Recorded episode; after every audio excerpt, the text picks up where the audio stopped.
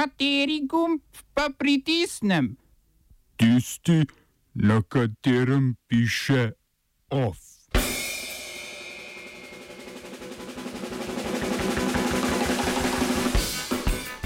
Kongres ZDA želi z resolucijami preprečiti prodajo orožja Saudovi Arabiji.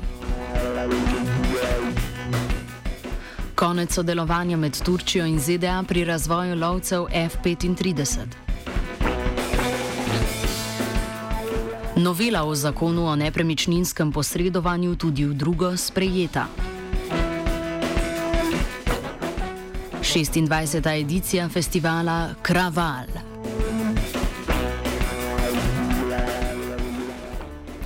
Predstavniški dom Združenih držav Amerike je izglasoval tri resolucije, s katerimi želijo preprečiti prodajo orožja v vrednosti več kot 7 milijard evrov v Saudovi Arabiji, Združenim arabskim emiratom in Jordaniji.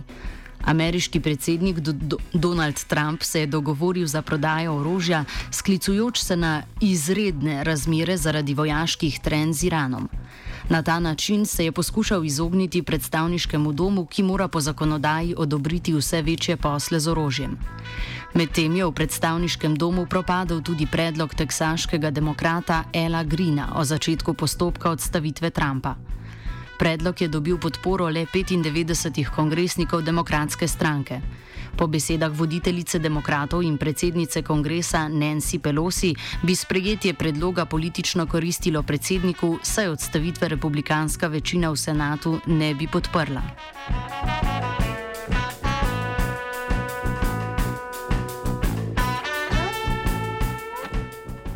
Iz Bele hiše so včeraj sporočili tudi, da uradno prekinjajo sodelovanje s Turčijo pri razvoju lovskih letal F-35, ker se je Turčija odločila za nakup ruskega sistema zračne obrambe S-400.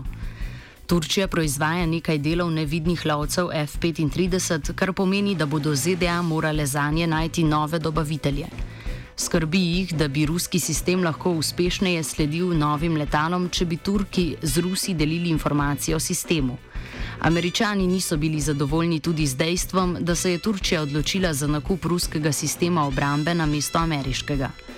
Turško zunani ministrstvo je odgovorilo, da so ZDA s tem storile hudo napako, ki bo v odnosu med državama povzročila nepopravljivo škodo. Iz Ankare so sporočili tudi, da enostranski nepošteni korak Washingtona ni v skladu z načeli NATO in da ni legitimnih razlogov za takšen korak strani ZDA.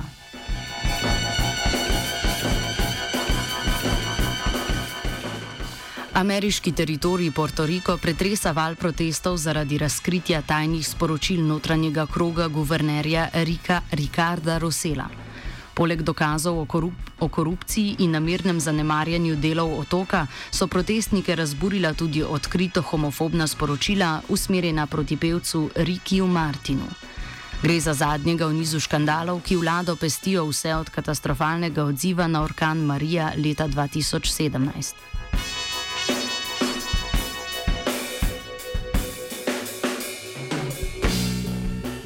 Prebivalci otoka so bili brez elektrike skoraj šest mesecev, večina pa jih še zdaj nima zadovoljive oskrbe s pitno vodo in zdravstvenimi storitvami. Slabe razmere v Portoriku so poleg napak Roselove vlade tudi posledica ignorance vlade Donalda Trumpa. Portoriko je sicer del ZDA, prebivalci pa nimajo pravice glasovati na ameriških volitvah. Orkan je otok prizadel ravno na vrhuncu dolžniške krize, zaradi katere je otok praktično, ne pa tudi pravno gledano, bankrotiral. Vladno zadolževanje, ki je močno povezano z neurejenim pravnim in političnim statusom Portorika, je povsem paraliziralo javne službe, socialne ustanove in zdravstvo, ki so se ob nastopu orkana povsem zlomili.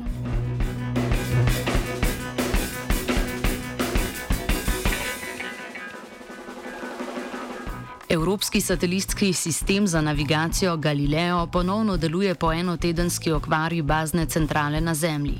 Sistem, ki so ga lansirali leta 2016, naj bi bil natančnejša alternativa ameriškemu GPS-u in naj bi Evropi omogočal strateško neodvisnost v primeru težav z ameriško tehnologijo.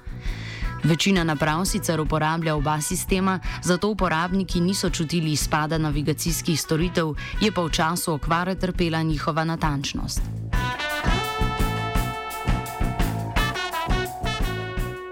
Hrvaški premijer Andrej Plenković je predstavil sedem novih ministrov. Rekonstrukcija vlade je bila dolgo pričakovana zahteva koalicijskih partnerjev, ki so želeli zamenjati tiste člane vlade, ki jih bremenijo afere. Po srečanju vodstva največje stranke HDZ s, s preostankom koalicije je za novinarje Plenković pojasnil, da je to bil nujno potreben korak zaradi političnih okoliščin, ki so metale slabo luč na hrvaško vlado. Hrvaški sabor bo jutri glasoval o novih ministrih. Več o tem v offsajdu ob 17. Oba, če bom odgovoril na angliški.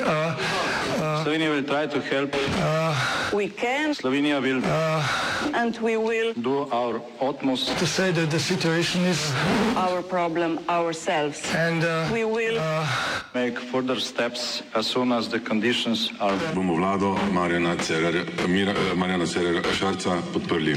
Very, very serious. News from Slovenija. We know how and we will. Na izredni seji državnega zbora so zaradi veta državnega sveta znova odločali o noveli zakona o organizaciji in financiranju vzgoje in izobraževanja. Zakonski noveli, po kateri bi država prenehala financirati razširjeni del javnega programa izobraževanja v zasebnih šolah, nadaljevala pa bi s 100-odstotnim sofinanciranjem obveznega dela javnega programa, so do potrebne absolutne večine 46 glasov zmanjkali trije glasovi.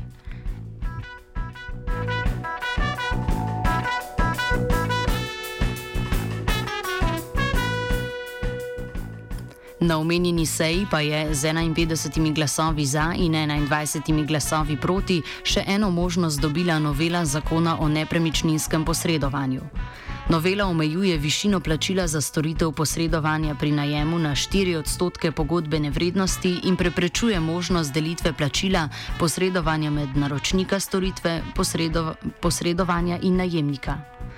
Dodatne stroške, ki jih agencije pri tem lahko zaračunavajo, novela omejuje na 150 evrov.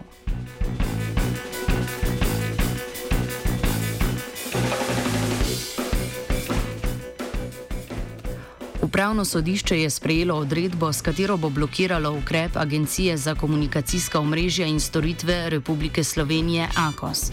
Ta je nameravala Telemahu konec septembra, septembra oduzeti del frekvenc za mobilno telefonijo, ki jih je ta pridobil s prevzemom tuš mobila, na kar je Telemah uložil tožbo.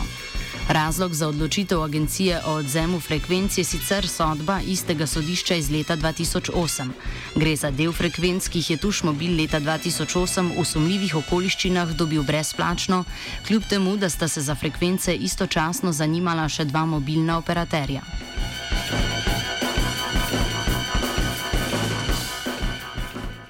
Ov sta pripravila vajenka Anja in Koruza.